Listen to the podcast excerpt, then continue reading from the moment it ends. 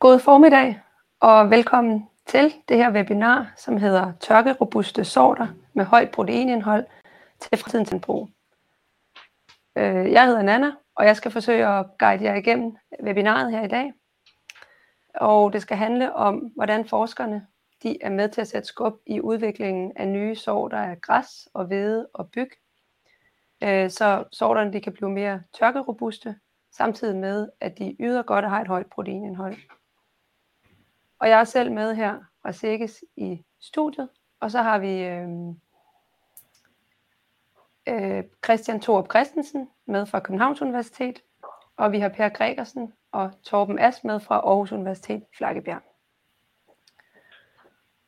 Og det kommer til at være sådan, at vi starter med Christian, og så kommer øh, Torben på bagefter, og så Per. Og I må meget gerne Øh, til jer, der sidder og lytter med, skrive spørgsmål ude i chatten undervejs, øh, og så forsøger vi at tage spørgsmålene, hvis der er nogle specifikke spørgsmål efter hver præsentation. Øhm, og så tager vi det generelle spørgsmål til sidst. Og jeg vil forsøge at styre tiden og holde øje med de spørgsmål, der kommer i chatten. Så jeg synes egentlig bare, at vi skal gå i gang og stille om til Christian. Ja, og øh, tak til Nana for introduktionen og invitationen til at præsentere noget af vores øh, arbejde her. Øhm, så jeg vil fortælle om, kommer min præsentation på. Vi slår den over.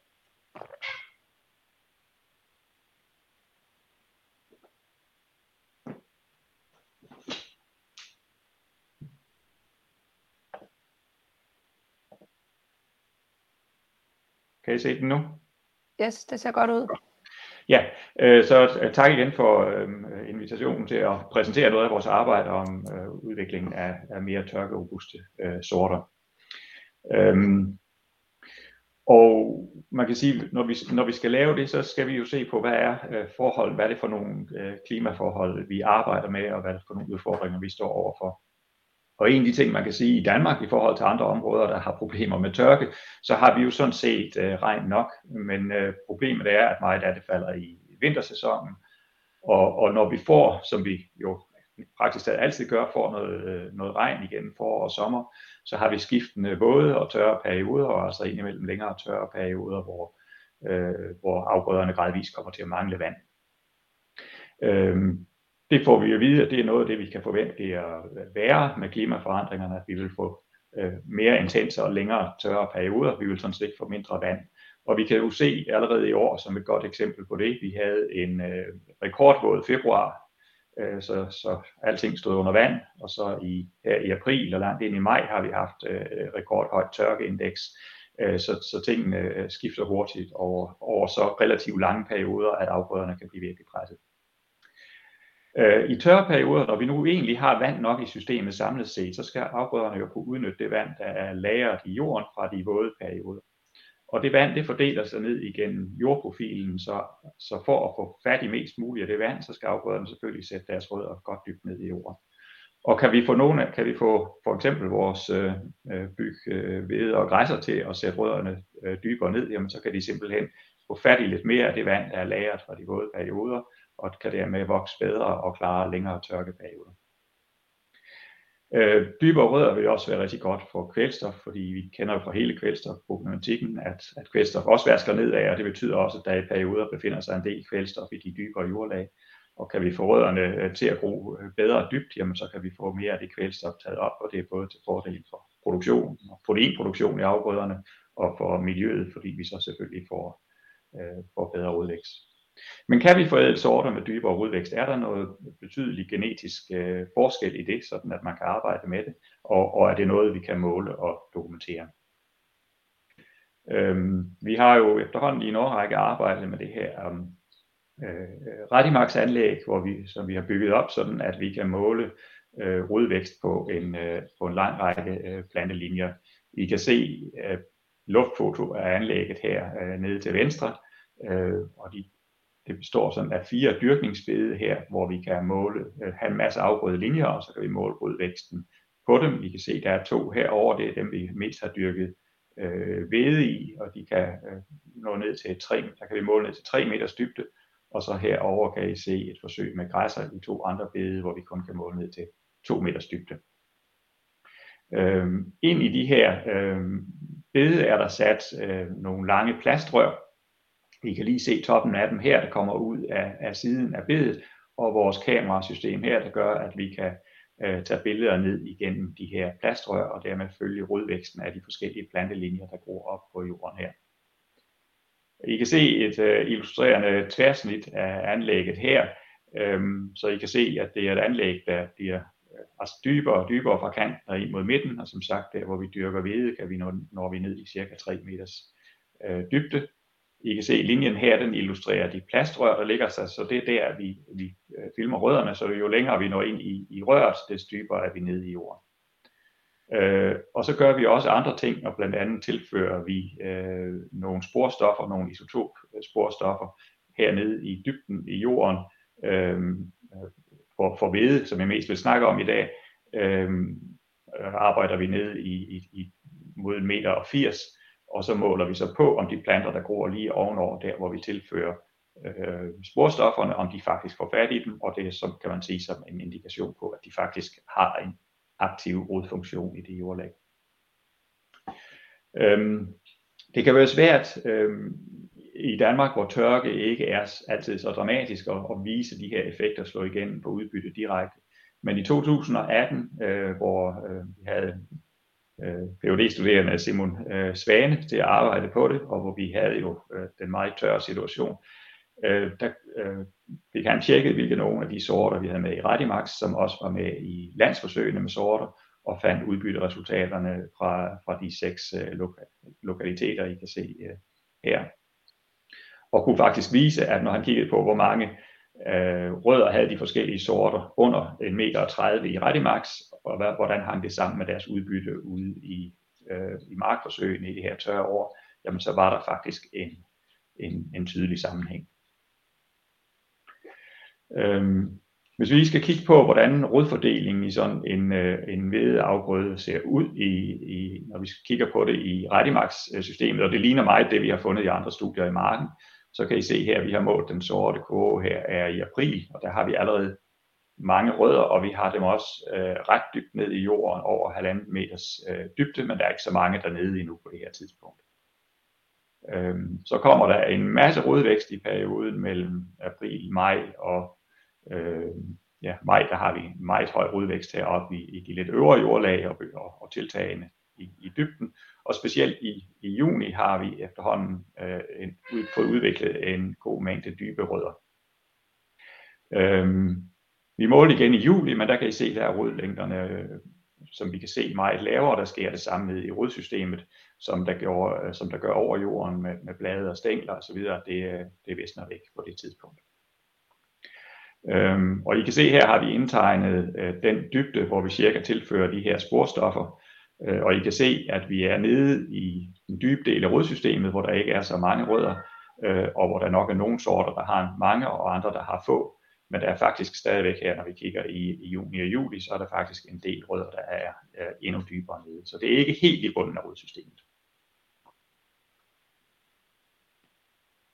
Når vi så kigger på, hvad det viser, Øhm, så kan det jo opgøres på mange måder, og når I ser på det her, så er der rigtig stor øh, spredning, fordi der er noget usikkerhed på målingerne, og, vi, og, og her er der vist øh, enkelt målinger. Men det I kan se ud af, af x-aksen her, det er den roddybde, vi har øh, estimeret på de forskellige linjer. Og op af, af, af y-aksen her, der kan I se noget med, øh, det her, øh, øh, den her isotop, der hedder kulstof 13, og det er ikke en, vi mærker aktivt med. Den findes i atmosfæren, så når planterne laver deres fotosyntese, så optager de øh, noget af den her sjældne isotop i deres øh, plantemateriale. Øh, og mængden af, af, af det her kulstof 13, de optager, er afhængig af, hvor tørkestressede de er. Hvis de er meget øh, tørkestressede, så øh, så optager de øh, relativt mere af den, så er vi heroppe i den her ende af kurven, og hvis de er mindre tørkestresset, øh, så ryger vi ned i den anden ende af kurven her. Så det I kan se øh, generelt her er, at der på trods af al spredning er en tydelig sammenhæng, dem hvor vi finder dybe rødder, jamen de har altså også øh, været i stand til at være mindre tørkestresset ved at have adgang til vand fra dybere ned i jorden. Vi har også kigget på det med kvælstof, det har vi faktisk gjort i, i, i længere tid og lige fra, fra starten, og da vi arbejder med, med det her, øh, og, og I kan se her et, et tilsvarende eksempel på, hvordan øh, her er det så rødlængden under 130 cm, ligesom Simons øh, data før, og optagelsen af det her kvælstof 15 øh, sporstof, som vi lagde ind i, i, i knap øh, 1,80 meter dybde.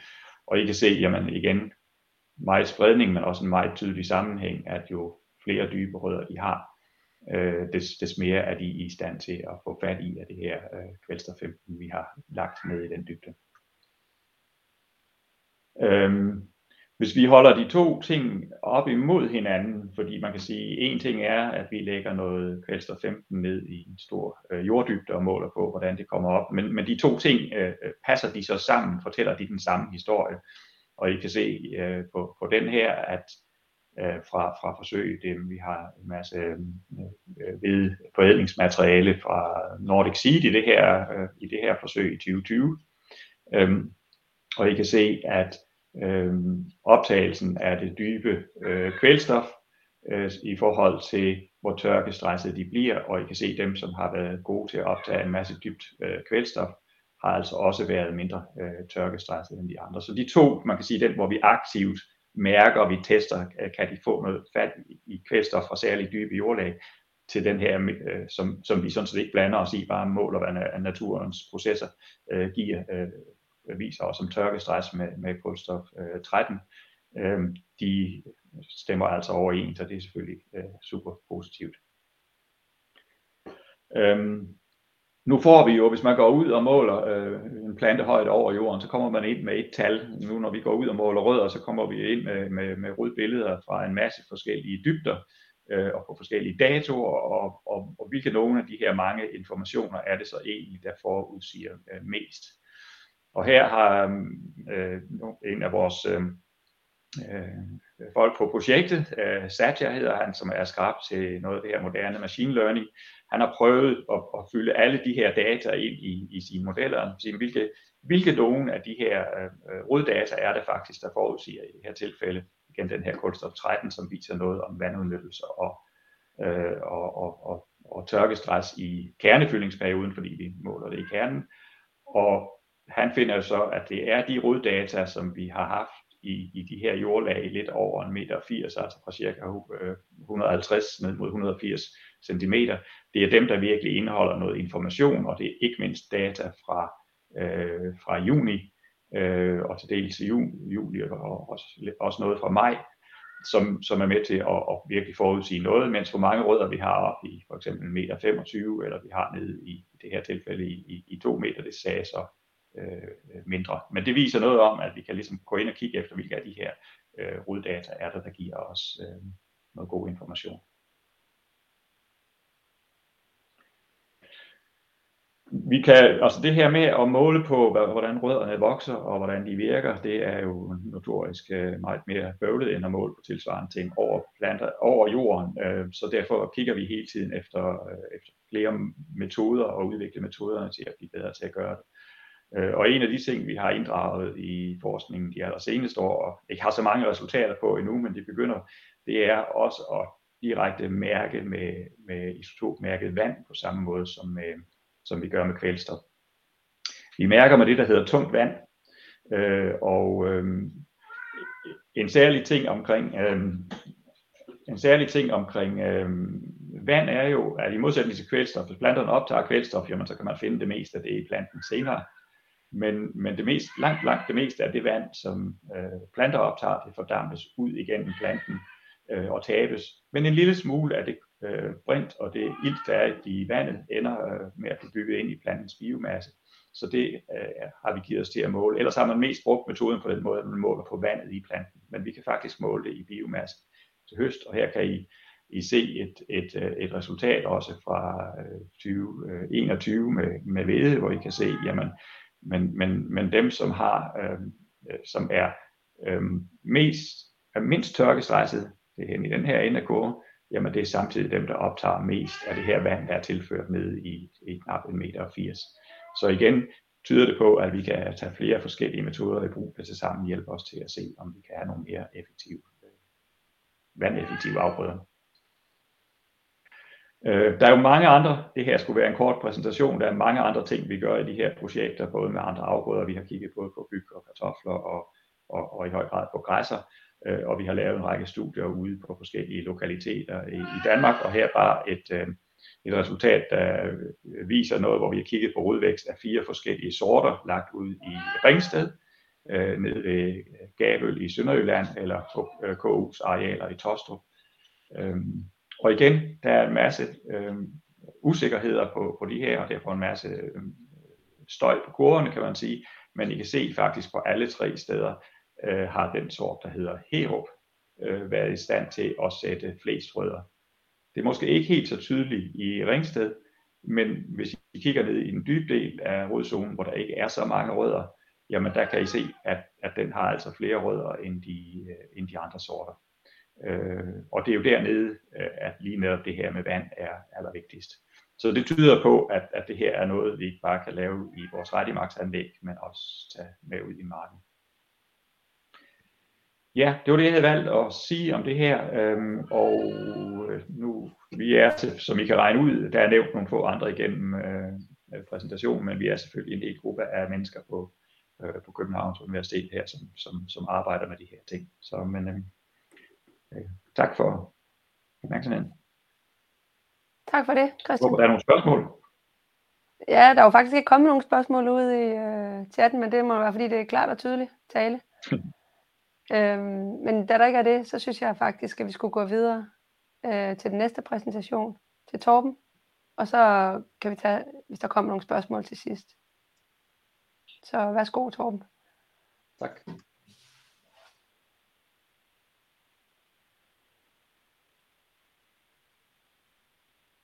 Vi kan se og høre dig nu, Tom.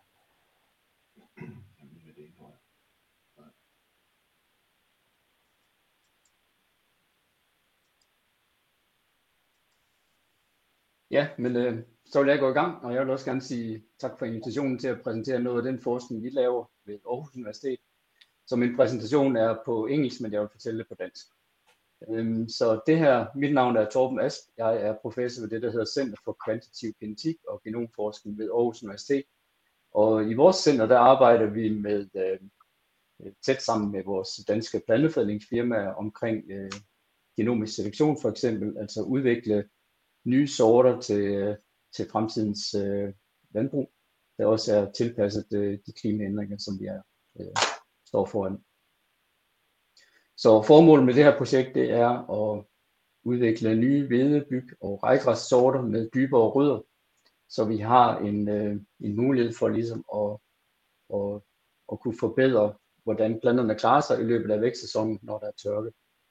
Og det er lidt en anden metode, end den Christian han har. Her er vi interesseret i øh, storskala screeninger øh, på et meget tidligt øh, udviklingstrin af, af, af byg. Så, så i dag vil jeg fortælle om byg.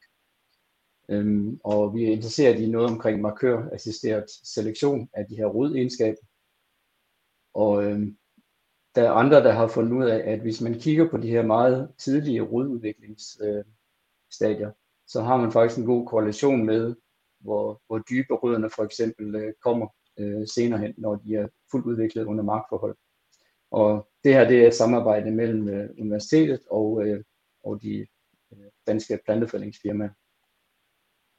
Hvis man kigger lidt på, øh, på fremtidens øh, krop afgrødeproduktivitet i Europa, så øh, vil det selvfølgelig blive påvirket af de klimaændringer, vi, øh, vi står overfor. Og som Christian også nævnte, så forventer vi, at vi vil få højere temperaturer og mere ekstrem vejr. Øh, vi vil få mindre nedbør i løbet af vækstsæsonen, og så mere nedbør uden for vækstsæsonen. Og det giver selvfølgelig nogle øh, udfordringer, men det giver os også øh, nye muligheder. Men vi skal helt sikkert tilpasse vores nuværende afgrøder til de ændrede klimaforhold, eller måske skal vi overveje at begynde at introducere nogle nye afgrøder på et, et senere tidspunkt. Det interessante ved det er, at, øh, at fordi vi vil få mere sol i løbet af, af vækstsæsonen i Danmark, så forventer man faktisk også, at øh, vi vil få et mere produktivt øh, øh landbrug, hvad angår vores øh, afgrøder, så længe vi kan få øh, øh forsyne planterne med nok vand faktisk. Og det er det, I kan se på figuren til højre. Og den her strategi her, det er selvfølgelig omkring, hvordan tilpasser vi vores nuværende afgrøder til, til de ændringer, vi forudser. Min præsentation er delt op i tre. Der er noget omkring et drivhus øh, eksperiment, vi har lavet, og der er noget billedanalyser. Og så vil jeg fortælle noget om, om, øh, om nogle af de genetiske analyser, vi laver med de her øh, eksperimenter. Så vi går videre til øh, drivhusdelen. Her har vi fået øh, 200 byglinjer øh, fra øh, Nordic Seed og, og Site, de to danske firmaer, der arbejder med forædling af cerealer. Og her har vi to øh, kerner per boks. Vi har tre gentagelser, seks planter. Og vi tager billeder 12 dage efter, at øh, vi har sået øh, bygkernerne. Øh, og det har vi gentaget 15 gange. Den der boks, som øh, så I ser sat op i drivhuset, og øh, boksene er lidt på, på skrå, og øh, når vi så efter 12 dage tager et billede, så kommer der en boks, som I kan se til højre, hvor vi så tager billeder af, hvordan rødderne udvikler sig. Og det kan I se her til højre. Her er et billede af en byglinje med to gentagelser, hvor I kan se, hvordan rødderne har udviklet sig i løbet af 12 dage. Hvis man kigger på det på et, et større setup, I skal forestille sig, at her har vi øh, 200, her er bare et mindre udsnit. Men øh, hvis man begynder at lave noget statistik på det, så kan man se, at inden for en linje, der er der faktisk en ret god korrelation fra, fra gentagelse til gentagelse, og man kan også øh, godt øh, se det her, at hvis man kigger på en boks, så er de to kerner, eller de to rodudviklinger af de, fra de to kerner, der selvfølgelig er beslægtet øh, meget identisk. Så hvis man kigger lidt på øh, billedanalysedelen, så her til venstre har I et øh, eksempel på en, øh, en byglinje, med, øh, med to gentagelser. Og øh, vi har så anvendt øh, kunstig intelligens til at kunne skille, der udvikler Københavns Universitet, til at kunne skille jord for rødder. Det er jo ligesom det, der, der er kernen i det. Det er, hvordan kan man på en hurtig og nem og, og billig måde øh, få nogle fenotyper, som man kan benytte til forædlingen. Og her ser et eksempel, hvor at, øh, vi har markeret med rødt, hvad kunstig intelligens algoritmen kan detektere af, af, af rødder i de her øh, små bokse. Øh, og I kan se, hvis man går tilbage, at der er faktisk en meget god sammenhæng mellem, øh, hvordan rødderne ser ud, og den algoritme, øh, som, som har detekteret, hvor rødderne er henne. Så det er meget positivt. Øh, så her, med det her setup, der kan vi kigge på den totale rodlængde. Vi kan kigge på antallet af rødder. Vi kan kigge på røddernes øh, netværkareal. Vi kan også kigge på, hvor langt kommer rødderne ned på, på de her 12 dage. Vi kan kigge på det totale overfladeareal af, af rødder, og vi kan også kigge på roddiameteren. Så det her det er en, en hurtig og meget præcis screeningsmetode øh, til at karakterisere øh, et meget stort øh, antal byglinjer. En ting, som også er vigtigt, ud over de fenotyper, jeg lige har vist, det er rødvinkle.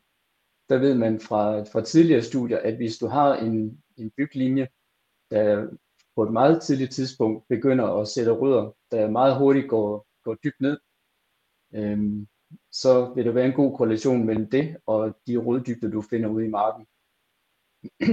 og, og hvis du derimod har nogle byglinjer, der holder sig øh, meget på det overfladiske niveau helt fra starten af, så vil det ikke komme så dybt ned. Så det er klart, at det her med, med rodvinklen, tidlig rodvinkel er, er ret vigtigt. Og der har vi så brugt øh, forskellige øh, trin øh, til at kunne karakterisere rodvinklen. Og der er seks trin her. For eksempel så skal vi for det første, som jeg nævnte tidligere, kunne adskille rødder fra jord selvfølgelig. Vi skal finde ud af ved hjælp af kunstig intelligens, hvor øh, i billedet har vi så, hvor, hvor er kernerne hen. Det er ligesom vores udgangspunkt. Så skal vi tage udgangspunkt øh, i kernen, og så ved hjælp af nogle andre algoritmer der kan vi beregne den præcise rødvinkel for lige netop den her byglinje. Og det er klart, at det her det skal gøres hurtigt, det skal kunne automatiseres, så man kan gøre det med et stort antal. Så vi udvikler en metode, der kan karakterisere rodvinklen som en del af projektet. Så hvis vi så går videre og kigger på den genetiske del af analyserne, nu har vi lavet et eksperiment i, øh, i drivhuset. Vi har, nogle, vi har taget en masse billeder. Vi kan adskille rødderne fra, fra jord i de her billeder og så derfor så har vi en masse præ- meget præcise fenotyper. Så det næste trin, det er ligesom at koble genotyperne med fænotyperne. Og så jeg vil lige ganske kort introducere DNA-variation. Så hvis I her til, til venstre her ser I en, en bygplante, vi høster noget øh, bladmateriale for den, så vi kan isolere DNA. Og hvis man så tager DNA, der ligesom øh, begynder at, at hive i det, så starter man med kromosomer. Der er syv kromosomer i byg. Hvis man så begynder at hive i kromosomerne, så kommer du ned på, på DNA-niveau. Og i det her DNA, der har du nogle gener. Og i de her gener, der har du noget DNA-variation. Så her i midten, her kan I se, at øh, her har I en polymorfi, som vi kalder det, der hedder AT. Og det er dobbeltstrenget DNA, og der har du en variation inden for den enkelte plante. Og det her DNA, når et gen bliver transkriberet, så får du protein. Og det her protein, det kan folde lidt på forskellige måder, afhængig af den DNA-variation, du har. Så det her, det er jo for én plante. Men nu skal I forestille jer, at vi gør det for mange planter, så derfor så har vi, har jeg vist tre forskellige planter her nedenfor. Og her har vi SNP, så det er den der øh, forkortelse for single nucleotide polymorphism. Så det er DNA-variation. Så nu er vi interesseret i at finde DNA-variation på tværs af mange øh, planter. Og det har jeg vist nedenfor. Så hvad kan man så bruge det til? Man kan bruge det til det her øh, associationsstudier, hvor man associerer fænotype med øh, DNA-variation. Og det gør man på, på den følgende måde. Så du har en, en stor population, som du screener. I det her tilfælde, så har vi screenet for de her rodegenskaber. Og det er så trin 1, det er fænotypningen. Trin 2, det er det, jeg nævnte lige før omkring DNA-variation. Her har vi øh, en masse DNA-variation, og det vi så gerne vil, det er at finde ud af, okay, vi har noget DNA-variation, øh, og vi har nogle fænotyper, for eksempel rodvinklen. Øh, kan vi koble de to ting sammen? Kan vi finde nogle områder i byggenomet, hvor at, øh, at der, der er noget DNA-variation, der forklarer den fænotypiske variation, som vi øh, kan observere. Og det er den metode, som jeg nu vil øh, vise nogle resultater omkring. Så hvis man kigger på rodvinklen, alt hvad der er over på y-aksen øh, over 3,2 vil vi betragte som statistisk signifikant. Så der kan I se øh, på kromosom nummer 2 i byg, der finder vi et område, der er vigtigt for rødvinklen. Og det er selvfølgelig ret interessant, at øh, hvis man kigger på, hvor meget forklarer det her DNA-område, øh, så, og så er det kigget på omkring 12% af den fænotypiske variation. Så inden for sådan et øh, DNA-variation, hvis I kigger helt ud til venstre, så har vi på, øh, I kan se, der er et G og et T, så det er den polymorfi, vi, som vi har fundet inden for den markør. Og her har vi så tre DNA-markører, og I kan se, hvis man har en, en G-polymorfi ud til, til venstre, så har en, den en større rodvinkel sammenlignet med, hvis det var en T-poly. Og du kan så koble alle de her sammen på populationsniveau, som I kan se til højre, og så kan I se her, at øh, at, at vi kan faktisk etablere en korrelation på populationsniveau med hvor, øh, vores øh, DNA-variation og fenotyper. Så det er meget positivt. Vi kan også gøre det for den totale rodlængde, der især et øh, område på kromosom nummer 3, hvor at vi observerer en ret stor øh, fenotypisk, øh, altså hvor meget vi kan forklare med vores DNA-markør i forhold til den fenotypiske variation. Og igen, så kan man kigge på, på populationsniveau, hvor meget at, øh, at det her forklarer. Og igen så kan man se, at der er betydelig DNA-variation, og også på populationsniveau ser vi forskelle, der kan forklare den totale rodlængde. Så hvis jeg lige kan kort konkludere, så er rodvinkel det er en god indikator for den tidlige, øh, for den sene, eller den, for hele rodsystemet i, i byg. Og at der er selvfølgelig noget omkring øh, hvis du har et miljø, hvor at, øh, der er meget vand hele tiden, så behøver du ikke, øh, at planterne kommer meget dybt ned. Hvis du for eksempel har mulighed for at vande dine marker hele tiden, så vil du ikke øh, nødvendigvis være interesseret i, at rødderne når dybt ned, så længe der er masser af vand i overfladeareal. Hvis du derimod øh, ikke har mulighed for at vande for eksempel, så vil det her kunne have en effekt.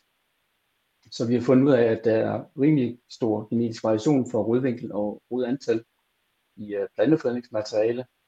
Vi har også fundet ud af, at der er en øh, sammenhæng mellem de her DNA-markører og hvad forædlingsfirmaerne de har af materiale i forhold til øh, udbytte.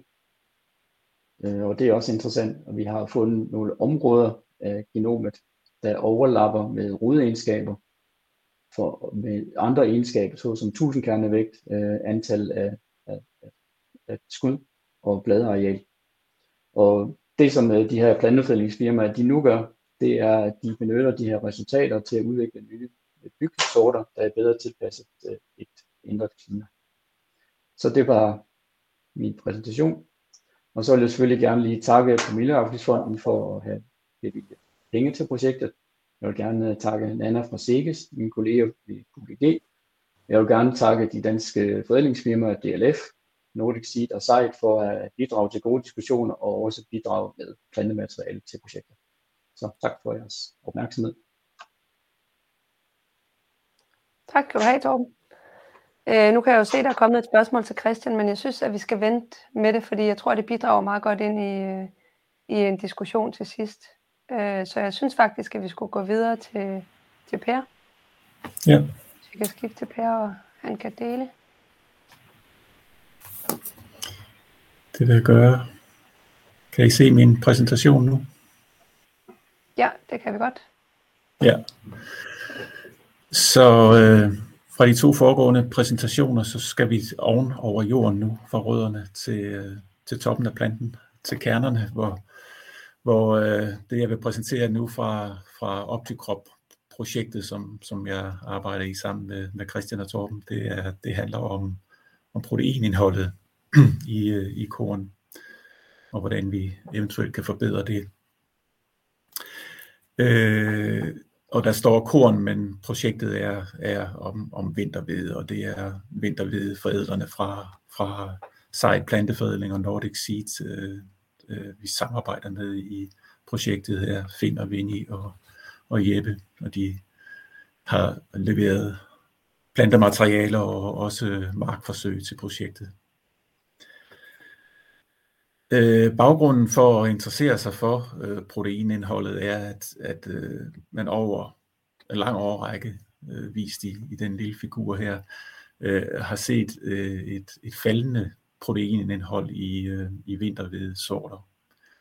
Øh, øh, figuren viser, øh, hvornår sorter er kommet ind i landsforsøgene, og det vil sige også rækkefølgen for, hvordan de er blevet forædlet, og så kan man se, at proteinprocenten faktisk er faldet næsten 1 øh, procentpoint over, over, over et årti. årti. Og det, det, er der, det er der øh, et par årsager til.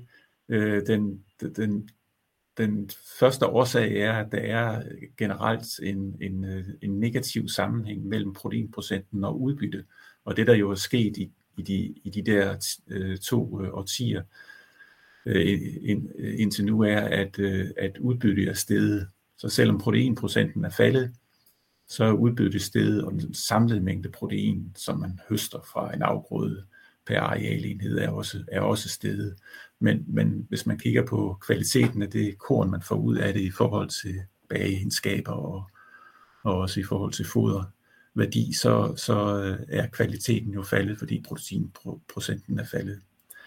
Samtidig i de her øh, seneste årtier har der jo også så været en, en restriktion på, på, øh, på øh, kvælstoftildeling, og det påvirker også øh, proteinprocenten, så der har ligesom været to processer i gang på én gang. Spørgsmålet er så, om man kan, man kan gøre noget ved det. Øh, øh proteinprocenten bliver bestemt af, af, af, af to komponenter, kan man sige. Øh, Øh, øh, kvælstoftildelingen i, i gødningen, men også af øh, den sort, man, man bruger. Og, og, og det man har set, det er, at der er nogle sorter, som, som kan bryde mønstret mellem, øh, øh, øh at der er et, øh, et, en sammenhæng mellem, mellem øh, at, at ved højere udbytte er der en, en, en lav øh, proteinprocent. Og, og i, i projektet her, der er det især en sort, øh, som forædlerne har fået øje på, som hedder Ohio. Det er en, en, en lidt ældre tysk sort, øh, øh, øh, som har, har vist sig under danske forhold øh, at kunne holde en nogenlunde øh, udbytteniveau, samtidig med, at, at proteinet øh, udbyttet er, er, er højt også. og, øh, og det, den øh, sort indgår så i, i forskellige krydsninger og forskellige undersøgelser i, i projektet her, som jeg vil komme tilbage til. Og det er vores, vores mål er jo så at afdække øh, mekanismerne bag det høje proteinindhold, men, men i sidste ende også at, at, at, at levere nogle øh, markører til forædlerne, så de kan, de kan bruge den viden til at, at forædle øh, nyt materiale. Jeg vil fokusere lidt på den der Ohio-sort i, i de næste præsentationer her. Men før jeg gør det, så lige lidt generelt omkring øh, kvælstof og, og proteinindhold. Øh, vi har hørt fra Christian især lidt om, om, om øh, optagelse af kvælstof fra jorden. Det er selvfølgelig vigtigt, at, at, øh, at planten kan optage så meget som muligt af den kvælstof, der er i jorden. Men, men øh, for at det skal kvælstoffet, som jo udgør det væsentligste i, i proteinet, øh, for at det skal, skal, skal ende som protein i kernen, der skal det omsættes og, og, og indlejres i, i løbet af vækstsæsonen. Når vi taler om, om optagelse af enden til, til de vegetative dele af, af planten, de grønne dele, og så derefter i løbet af vækstsæsonen en, en øh, remobilisering, som vi kalder det, øh, hvor, hvor den kvælstof, som er optaget i planten i de, i, i de tidlige vækstfaser, bliver, bliver øh, transporteret fra vissen øh, afmodende blade til kernen og indlejres der som protein. Den proces kalder vi for senescens, og det har vi haft lidt fokus på i det projekt her, hvad, hvad, om hvordan den her proces øh, øh, virker ind på protein øh, sammenhængen. Øh, overordnet har vi haft sådan tre mål. Øh, vi, vi vil gerne lave en genetisk kortlægning af, af den der egenskab fra Ohio, og det Torben har fortalt omkring, øh, hvordan det fungerer med markører og sådan noget. Det vil jeg lige vende lidt tilbage til det. Men derudover så har vi også øh, øh, arbejdet noget med at karakterisere især forældrelinjerne, som indgår i krydsningerne. Så Ohio i forhold til, til andre linjer, som ikke har så højt et, et proteinindhold, om der er forskelle i deres øh, væksttyper og måden, de vokser på hen over sæsonen. Og det handler så meget omkring øh, øh senescensen, øh, modningsprocessen.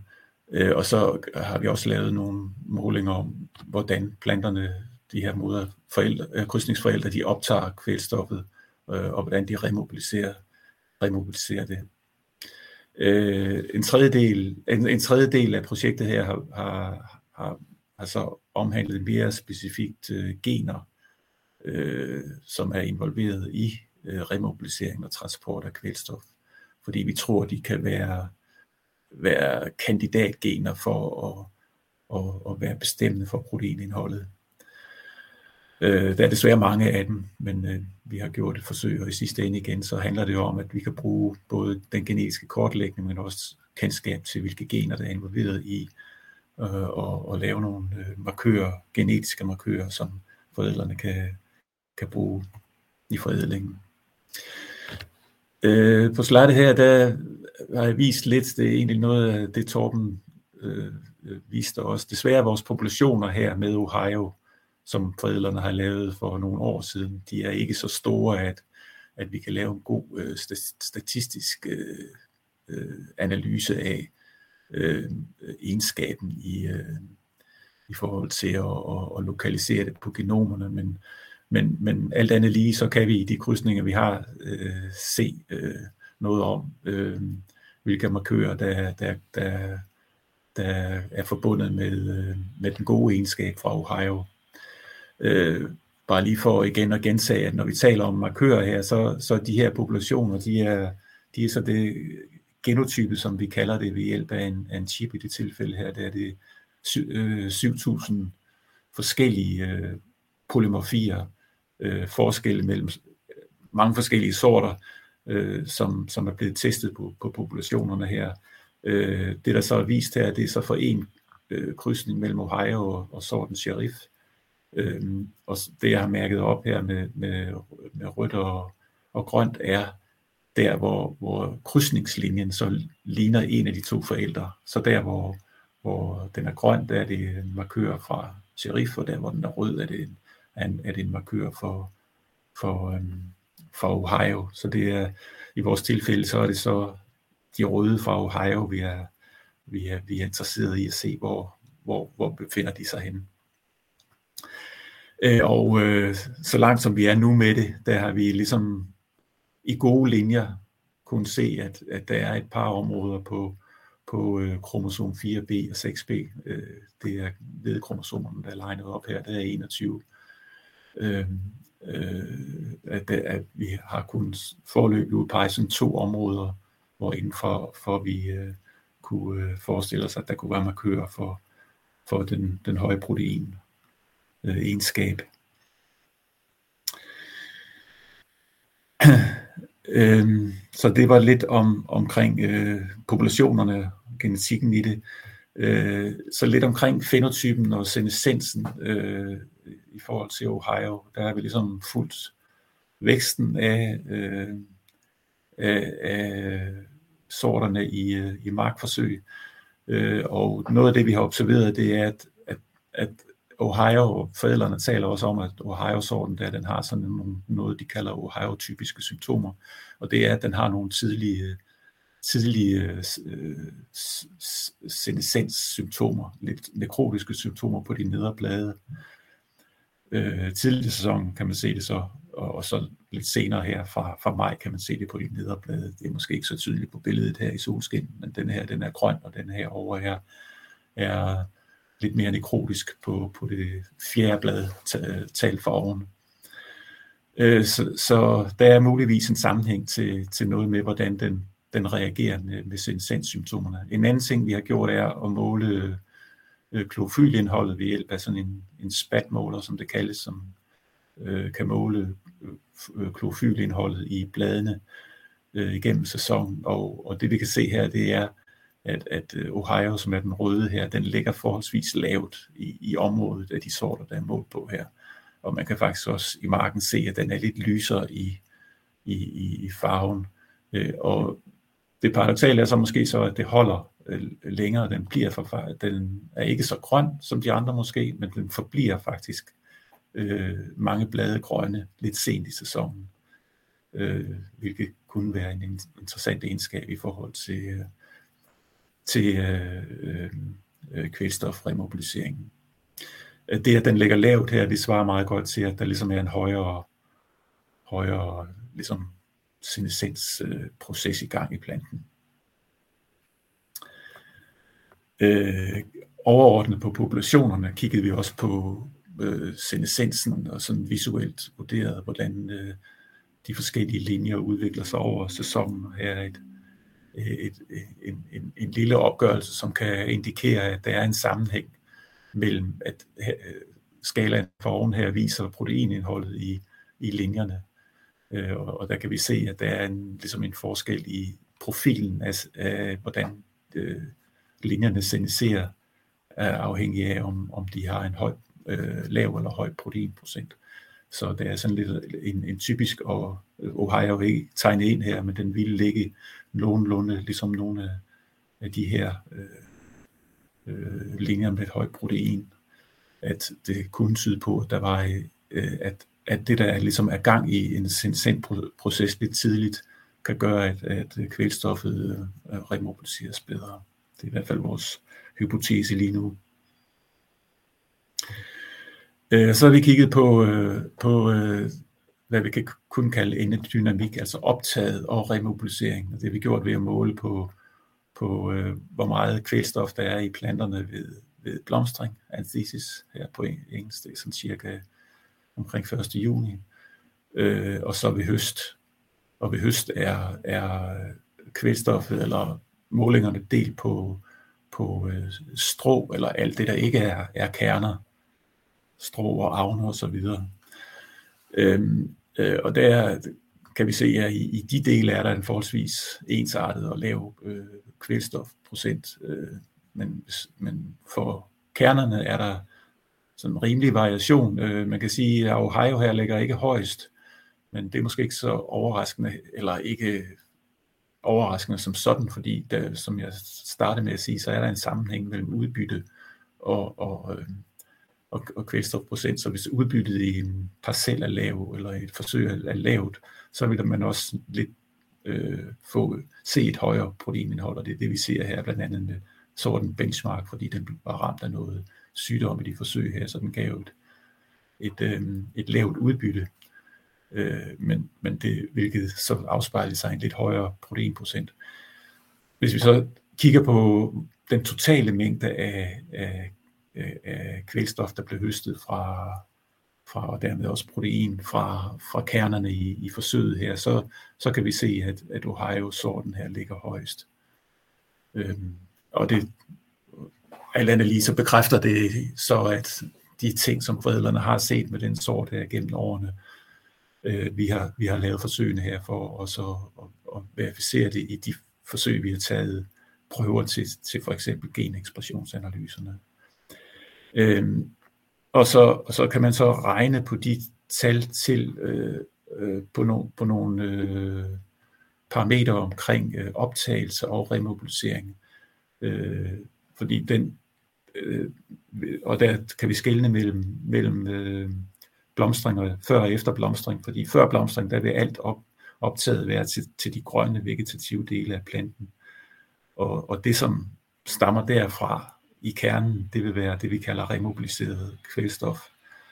Øh, så det, det kan man regne på, øh, og en interessant øh, parameter her er, det er, hvad der så kan blive optaget efter blomstring, fordi det i andre studier har vist sig at være en, en interessant egenskab i forhold til proteinindhold, og, og der viser Ohio her, at den faktisk har i det eksperiment her haft en rimelig høj et rimelig højt op, optag efter, efter blomstring, som, som øh, er genfind i, i som protein i kernen. Øh, det var omkring fenotypen. Lige den sidste, sidste del her, det handler omkring gener og, og, og genekspression. Øh, øh, det, det har, der har vi lavet det, der kaldes et transkriptom, eller en RNA-sekventeringsanalyse, hvor vi sekventerer alle alle gener, om man så må sige, men, men gen, generne afspejler, hvor meget RNA, som vi kalder det, kopier af, af genet, der er for hvert gen. Det her er bare en overordnet analyse, som viser, at, at, øh, at, at, at dels at der er nogle forskelle, vi kan kigge på tidsmæssigt og mellem sorterne, og det viser, at sorterne, de tre gentagelser, vi har for hver sort, de ligger sammen. Øh, og det skal vi videre med at analysere for gener for at se, om vi kan finde nogle differentielt udtrykte gener, som er, er um, gode kandidatgener. Jeg skal konkludere, i forhold til Ohio-sorten her, så, så har vi nogle karakteristiske træk omkring tidlig senescens, lavt klorofylindhold, relativt høj biomasse ved blomstring og, og en langsom, men en langsom senescens på de senere stadier. Øh, den har så en god remobilisering og også noget optagelse efter blomstring, som vi mener bidrager til den høje protein ekspression, og så omkring genekspression, som jeg ikke skal komme ind, mere ind på her, men det, det vi kigger efter er, om Ohio har ligesom en specifik pro, profil for, for nogle specifikke gener, og så øh, har vi så allerede øh, ligesom indikationer på, at vi har et par områder på genomet, hvor vi kan placere nogle øh, markører, som forældrene forhåbentlig kunne bruge. Tak for det. Godt, tak skal du have, Per. Øhm, så er der kommet et spørgsmål fra live øh, til Per, øhm, så han skriver, om vi kan måle, hvor stor en del af kvælstof i kernen, der stammer fra remobiliseret N. Jeg tror faktisk, du fik svaret på det i jo, det, det gjorde jeg, i din præsentation. Øh, det, det var en af de udregninger, vi kunne lave. Altså, mm. øh, man kan sige, at den kvælstof, der er ved, ved blomstring, den er udelukkende i den vegetative masse, og masse, og så, så når vi så måler vi høst, så er der noget tilbage i den, i, i, i den vegetative dele, og så er der noget i kernen, og på den måde så kan man regne ud på, hvor meget er der remobiliseret. Der bliver tabt lidt også.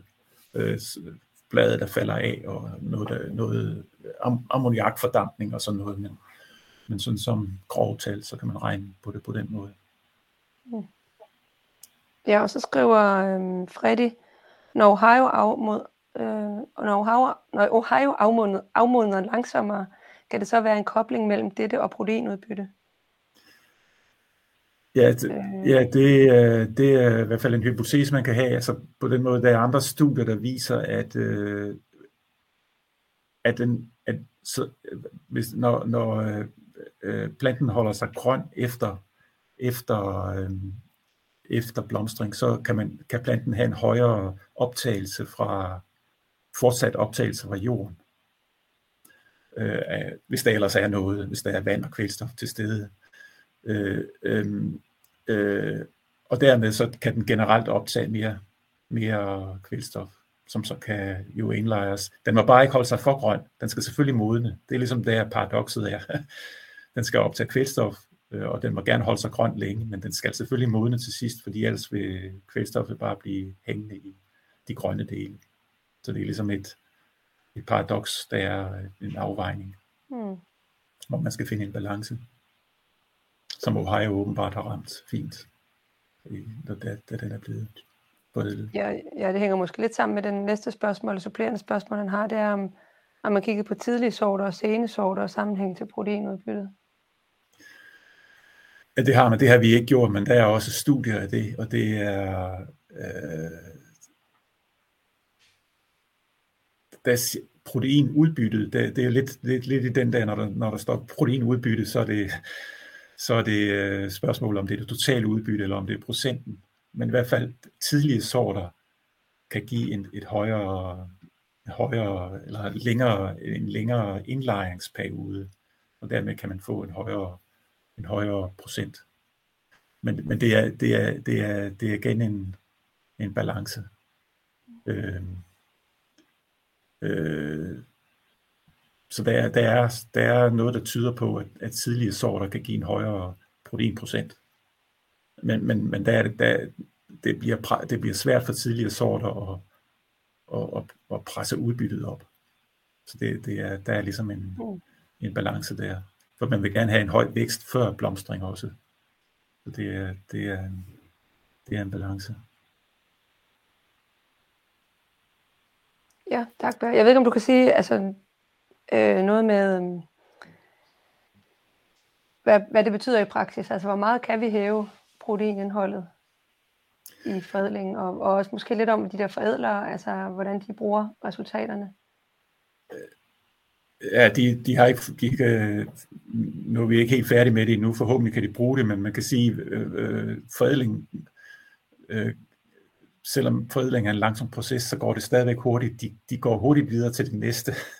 Mm. så, øh, så man kan sige, øh, vi startede det projekt her for, for tre år siden, og vi er, vi er måske lidt allerede blevet overhalet på den måde. Hvis man kigger de nyere sorter, så er der faktisk et forhøjet, eller er der nye sorter, som har et, godt proteinindhold. Så jeg tror faktisk, at forædlerne over de senere år er blevet, blevet mere opmærksomme på det. Det er også et spørgsmål om, det er noget, om det er noget, de forædler for hvis de målrettet vil forædle for det, så tror jeg faktisk godt, at man kan, man kan presse gode sorter op på, på noget af det, man, man ser med Ohio. Det, det, det handler helt om forædlingsindsats, mm. øh, tror jeg. Men det er klart, at hvis de kan få nogle gode markører for det, så vil, gøre, så vil det gøre det, gøre det langt lettere for dem at, at udvikle noget materiale. Ja, tak for det, Per. Og så går vi, jeg, jeg tror, så skal vi tage et, her, et spørgsmål til Christian. Øhm, og det er Leif først, der spørger, om I har fundet forskel på sorternes rodudvikling og tæthed. Nej, I har fundet øh, forskel på sorternes rodudvikling og tæthed, men har I fundet genetiske markører eller egenskaber, der afgør disse? Ja, nu kan man sige, at vi på, i vores arbejde på, på KU, der har vi rigeligt at gøre med faktisk at måle øh, rødderne og deres funktion, men, men, øh, men, øh, men i samarbejde med nogle af, af Torbens og Pers kolleger har vi jo kigget på, øhm, har vi kigget på relationerne, og også nogle af forædlerne faktisk fra, fra DLF har de i hvert fald også været inde og, og regne på og, og, og finde no, øh, nogle korrelationer mellem øh, de genetiske markører og, og det rodvækst, øh, vi måler. Øh, og det, det regner vi jo med i i, i den næste periode, vi skal langt videre med, fordi lige nu har vi for eksempel prøvet at kigge på genetiske øh, korrelationer til, øh, til rodvæksten, men, men, men det viste jo også de her andre målinger af C13 og N15 og, og, og, og, og, og deuteriumoptagelse, som er andre estimater på, om der er dyb og effektiv rodvækst, og dem skal vi jo også ind og se på, om er det de samme øh, dele af genetikken, de korrelerer til. Øh, så ja. Ja, og der er fundet på, på nogle af dem nogle, nogle ret gode korrelationer, men, men der er også øh, nogle af dem, hvor der har været så store variationer, at det har været øh, vanskeligt. Ja, det kan være, Torben, du vil supplere med det genetiske der. Ja, det kan jeg godt. Jeg kan lige tilføje lidt omkring det, fordi vi har, vi har ikke, øh, som Christian siger, så arbejder vi med øh, den genetiske del af de der analyser, der foregår i rettemarksfaciliteten. Vi har ikke fundet et enkelt markør, som, som man kan bruge i fredning. men det vi har gjort, det er, at vi har brugt det der øh, genomisk prædiktion, hvor vi på individniveau eller på planteniveau kan rangordne planterne og sige, at den her har baseret på DNA-sammensætningen dybere rødder end, end de andre. Så det er noget omkring det der med genomisk selektion, vi arbejder på, hvor vi rangordner baseret på DNA-profilen af den enkelte plante i forhold til de fenotyper, vi kan observere. Så, så, så den del fungerer. Ja, og det kan forældrene bruge, det der genomisk selektion. Ja, præcis. Det er det, forældrene de bruger i forhold til at, at rangordne deres planter og vurdere, om det kan blive en lys i fremtiden. Ja, så spørger øh, Leif her, det er nok et spørgsmål til dig, Per, men det er um, KVS ekstase. Øh, den udvikler sig meget kraftigt i efteråret, og den har også et relativt højt proteinindhold. Og så spørger han, ved du om det samme mekanisme som Ohio? Nej, det gør, det gør jeg så ikke. Ja, Ohio udvikler sig ikke, som jeg husker det, specielt kraftigt om efteråret. Den har en høj biomasse, når den, den når, når, når til blomstring. Så det, det kan jeg ikke udtale mig om. Jeg kender ikke sådan der, men, men øh, det kan da meget vel hænge sammen. Altså jeg, jo mere kvælstof planten kan samle op øh, i den vegetative fase, som jo både er om efteråret, men, men vel mest om foråret ind til blomstring. Øh, jo mere den kan samle op der, jo mere er der jo også at, at remobilisere. Ja. Altså, jeg tænkte på at spørge dig, Christian, om, øhm, altså om vi... Nej, hvad var det, jeg ville spørge om? Det var om... Jo, jo, kan vi... Øh, altså nu sagde du det her med, at det, i 2018, der kunne vi godt se det på udbyttet. At hvis en, en sort er mere tørkerobust, så har den også et højere udbytte. Men det er jo svært at vise i de andre år. Men, men nytter det så noget? Altså er der i nogle af de andre år, altså sådan et år som i år for eksempel, øh, giver det et højere udbytte at have nogle af de her sorter, som er mere robuste? Øhm, Ja, altså hvis, hvis man gennemgår dyrkningssæsonerne, så er det jo meget få, hvor vi ikke har perioder med tørkestress i afgrøderne. Øhm, og man kan sige, at i år har vi jo allerede øh, haft det. Jeg ved ikke, hvor hårdt det har ramt øh, vinterveden, men vi har haft en, en, en rigtig tør periode. Og selvom vi har haft noget regn nu, så kan det jo meget hurtigt blive tørt igen, for vi har jo ikke fyldt, øh, både fyldt øh, reserverne op. Øhm, så det er klart, at, at det, er jo, det er jo meget nemmere at vise i et super tørt år som, som 2018, men langt de fleste år er der perioder, hvor, hvor afgrøderne er afhængige af, at de kan blive ved at trække vand fra, fra tiltagende dybde i jorden for at, at forsyne sig. Øhm, så, så, så jeg vil sige, at de fleste år, ja, så er det, øhm, så er det noget, man vil kunne forvente at finde. Ja. Jamen, øhm, så er der kommet et spørgsmål med her. Det tror jeg, det bliver det sidste spørgsmål. Det er fra Freddy. Om det, han spørger, om man kan måle spektr- med man kan bruge spektralmålinger til måling af proteinindholdet i planten. Og det er måske næsten til dig, Per. Ja, jeg, jeg er jo ikke ekspert på det. det, det altså lige de der tekniske ting, det er, det er jeg ikke, men det er jeg helt sikker på. Måske Christian egentlig faktisk ved mere om det, end jeg gør. men men det, det, det, er, det, det kan man da. Det kan man. Men det kommer an på, hvad, hvad der menes med det, om det er dronemåling, eller om det er altså noget, altså SPAT-analysen kan man vel for så vidt også øh, omsætte til protein, fordi det, det er klorofyl, som afspejler, afspejler øh, hvad skal man sige, kloroplasterne, som er, indeholder langt, langt det meste protein i, i bladene. Så på den måde kan man godt kalibrere det til det. Så, men, men det kan man helt sikkert, uden jeg kan, kan de tekniske detaljer. Det er ikke øh, mit felt, det der. Nej, hvis I tilføje beder det ind på det, på, det, på det rigtige, at det kan man jo, og, og der er de der typer bladmålinger, som kan bruges til det. Og på kernerne, så er det jo i høj grad efterhånden det, man bruger til at måle proteinindhold i, i, i kerner. Jeg ved ikke, om det er absolut lige så præcis, som, som når vi måler en mere kemisk måling, men, men, øh, men det er jo en hurtig og effektiv måling af, af protein i korn. Så, så ja, det kan man. Ja. Og det var, nu bliver det spurgt, om det var på enkelte planter. Ja, men det, det kan man. Ja. Jamen, øh, så tror jeg egentlig, at øh, vi skal til at slutte af. Øh, og jeg vil sige tak til de tre indlægsholdere, og tak til jer, der lyttede med derude.